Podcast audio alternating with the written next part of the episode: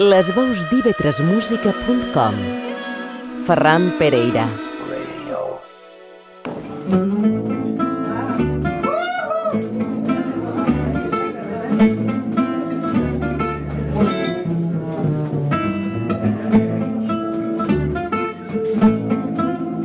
Stephen Grappelli, cordes per Django Bellver i Miriam Makeba, Àfrica al cor.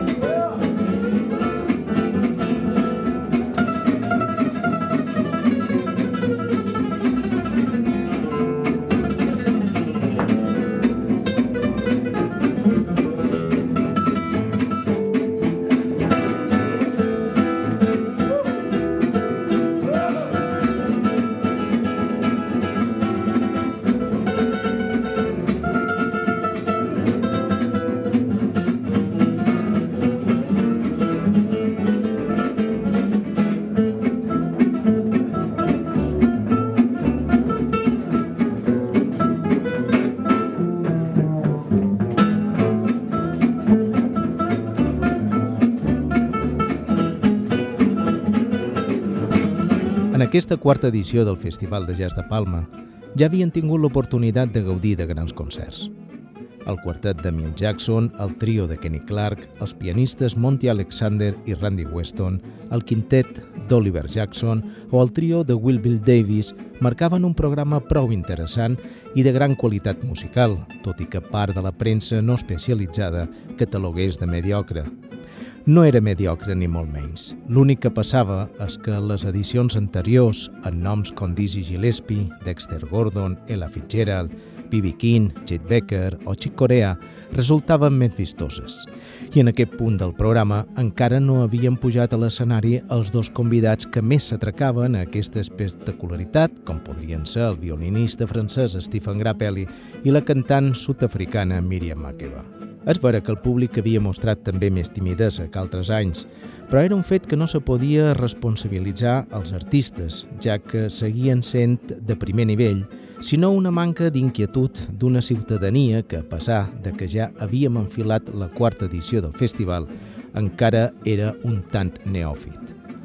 La cita més espectacular que presentava el programa d'aquest any arribaria el 24 d'octubre coincidint amb la inauguració d'un nou escenari per l'esdeveniment. No seria altre que el Castell de Bellver. Al pati d'armes s'havien col·locat unes 1.300 cadires per a rebre un homenatge al guitarrista Django Reinhardt. Els protagonistes eren dos perissencs, el guitarrista Rafael Feis i el violinista Stephen Grappelli. Hi havia anunciada també per aquest vespre l'actuació de la banda harmònica Coixa, però pens que amb bon criteri l'organització decidí que la banda actués com a taloners de Miriam Makeba una setmana després. I és que el registre de la formació de blues local no acabava de quadrar amb la tònica d'aquella jornada, per a la qual, i per facilitar l'accés, l'Ajuntament de Ciutat havia disposat un servei especial de bus que sortia de la Porta Sant Antoni i tornava una vegada acabat els concerts. Puntualment, a les 10 del vespre d'aquell 24 d'octubre, el guitarrista Rafael Feis donava el sus a una ballada en la que es projectaria la llargada ombra de Reinhardt. Feis es mostrà com un fidel reflexe del guitarrista belga. De fet, a la roda de premsa que oferia l'hotel, ens presentà amb la seva guitarra Favino, construïda a París, igual que la que emprava Django. Ens explicà també que era professional des dels 15 anys i que havia apostat per aquell estil que semblava oblidat, referint-se, evidentment, al manuig, a l'estil de jazz genuïnament europeu i que no entenia com era possible que el memorial Django Reinhardt, que des de feia 4 anys es desenvolupava a París, no l'haguessin cridat per actuar-hi. També reconeixeria les influències d'altres guitarristes, com Barney Kissel, Wes Montgomery, Joe Pass i de dos clàssics com Andrés Segovia o el flamenc Paco de Lucía. Havia tocat en Grappelli als 16 anys en un programa de televisió i esperava la iniciativa del violinista per a compartir música aquell vespre, però no va ser així. Face, acompanyat d'una segona guitarra i contrabaix, es mostrà fidel i com un dels músics més lligats a la posesa de l'estil de Reinhardt. El seu fraseig va ser tan perfecte com inexaurible i ric.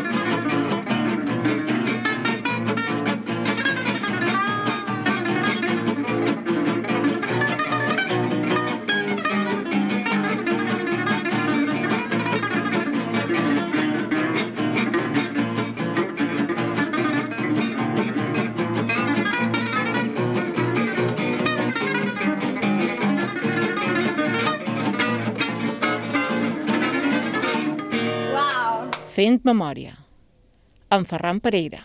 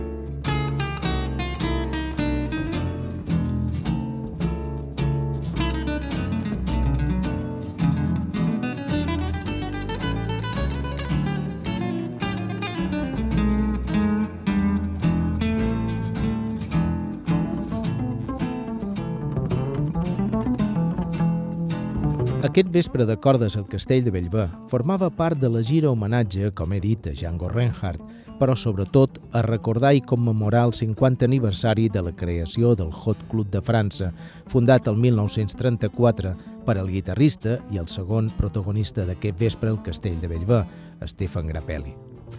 El Hot Club va ser el primer combo de jazz important del continent europeu i difongué com cap altra iniciativa el jazz manuig o gypsy jazz, com també se l'anomenà. Un tipus de música que havia sorgit de la mescla de l'herència musical gitana dels singers amb el swing nord-americà i que a França, i més concretament a París, havia tingut una gran acollida musico-social. Per tant, si Grappelli formava part del seu origen, pocs millor que ell per a protagonitzar aquest Memorial Django Reinhardt. A més, el francès, sense ser el primer violinista del jazz, mèrit que per a ser juts hem d'atribuir a Joe Benuti i Eddie Shout, si va ser, en canvi, el que popularitzà de forma definitiva l'instrument en el gènere. Per tant, era just que ostentés el títol de gran senyor del violí.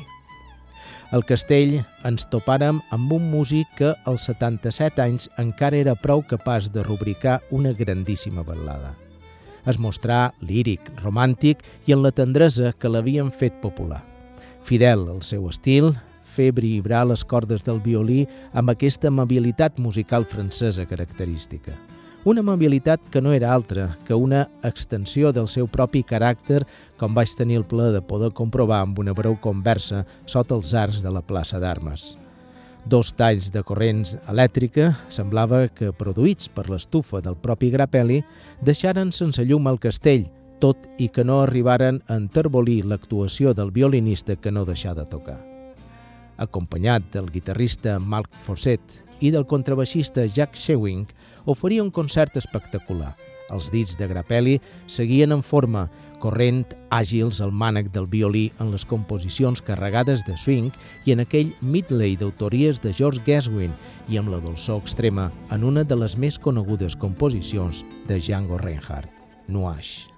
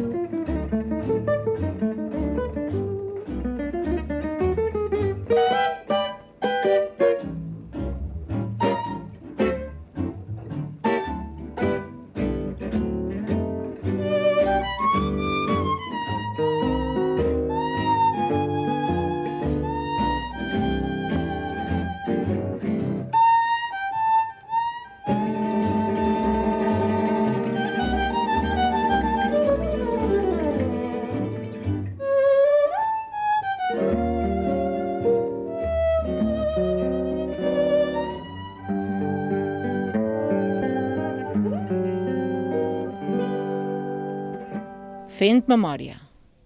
En Ferran Pereira.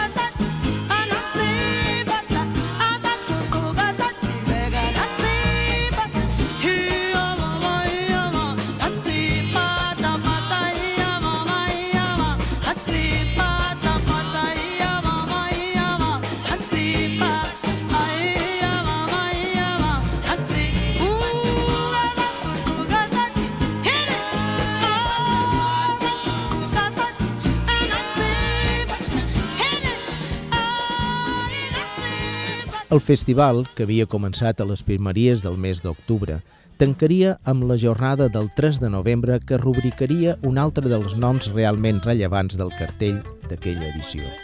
No era altra que la sud-africana Miriam Makeba. La presència de Mamà Àfrica o l'empenedriu de la música africana, com l'havia batiat un periodista, havia suscitat una gran expectació entre els aficionats, de fet, va ser el concert d'aquella quarta edició del Festival de Jazz de Palma que més públic convocà a la magna de l'Auditorium i això que el que havien viscut al castell de Bellva amb Stephen Grappelli havia anat força bé. Makeba era coneguda per la seva participació en el film Retorna a Àfrica, una cinta de Leonel Rogosin estrenada en 1959. Però el que l'havia fet popular de bon de veres era la cançó afropop Pata Pata, estrenada i enregistrada per primera vegada el 1967. Ara bé, la cantant, en roda de premsa que ens oferia els mitjans de comunicació previ al concert i referint-se a la cançó, ens explicava. Jo no crec que la cançó sigui la millor del meu repertori. Hi ha altres temes que semblen millors i mostrava, sense renunciar el que havia significat aquest èxit per la seva carrera, una certa preocupació pel fet de que la gent l'associés contínuament amb aquesta cançó. Però sigui com sigui, la veritat és que aquesta composició referenciada en una dansa popular sud-africana li havia obert moltes portes el músic i actor d'ascendència jamaicana Harry Belafonte, qui l'havia ajudat a entrar als Estats Units d'Amèrica i amb qui s'havia associat artísticament, augurar l'èxit de la cantant i no s'equivoca. Era la primera i més accentuada aproximació en tot el que havíem viscut al llarg de totes aquestes edicions del festival a la música africana. De tot et sabuda la importància del continent negre en la història de la música negroamericana en general i en el jazz en particular. Havia aterrat a Palma procedent de Casablanca. Vivia fora del seu país, a Guinea, però seguia decididament implicada amb Sud-àfrica i ho deixava veure ben clar afirmant front als periodistes que les seves cançons contaven la veritat del seu país.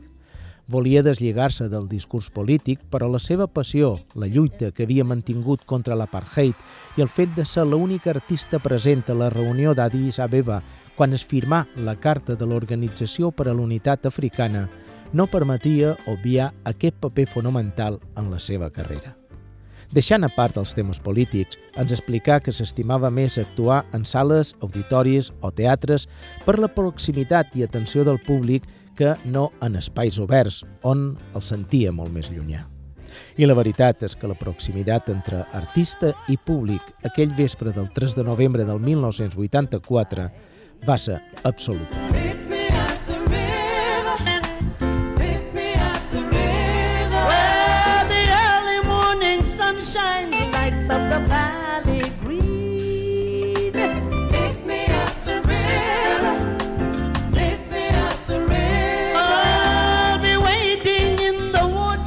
Saldant els deutes de la jornada anterior amb la banda harmònica coixa i front a una magna pràcticament plena, el blues encetaria musicalment la ballada.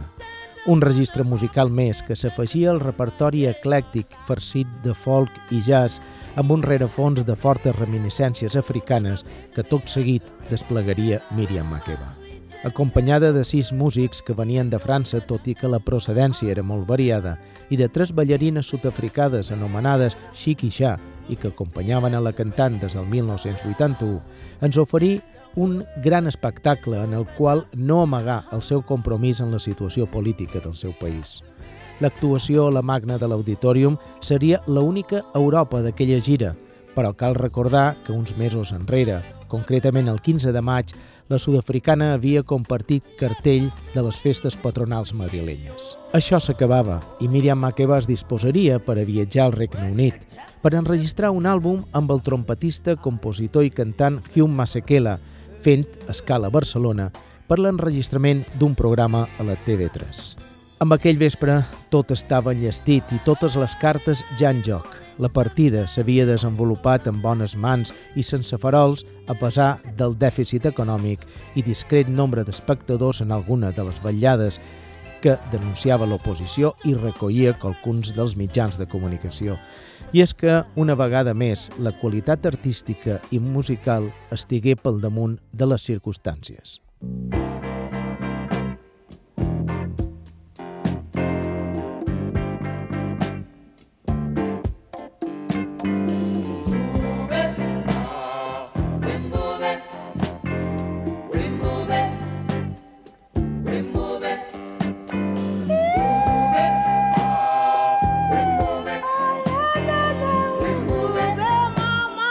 Fem memòria, un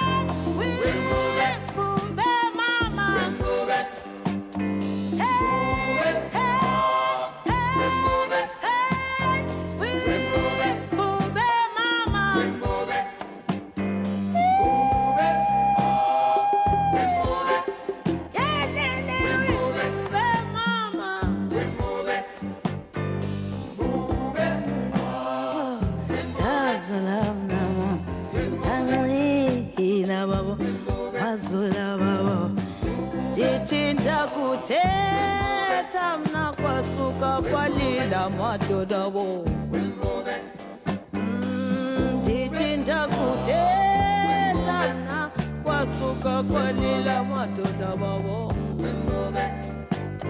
Oh, hey, oh, we, Baba, hey.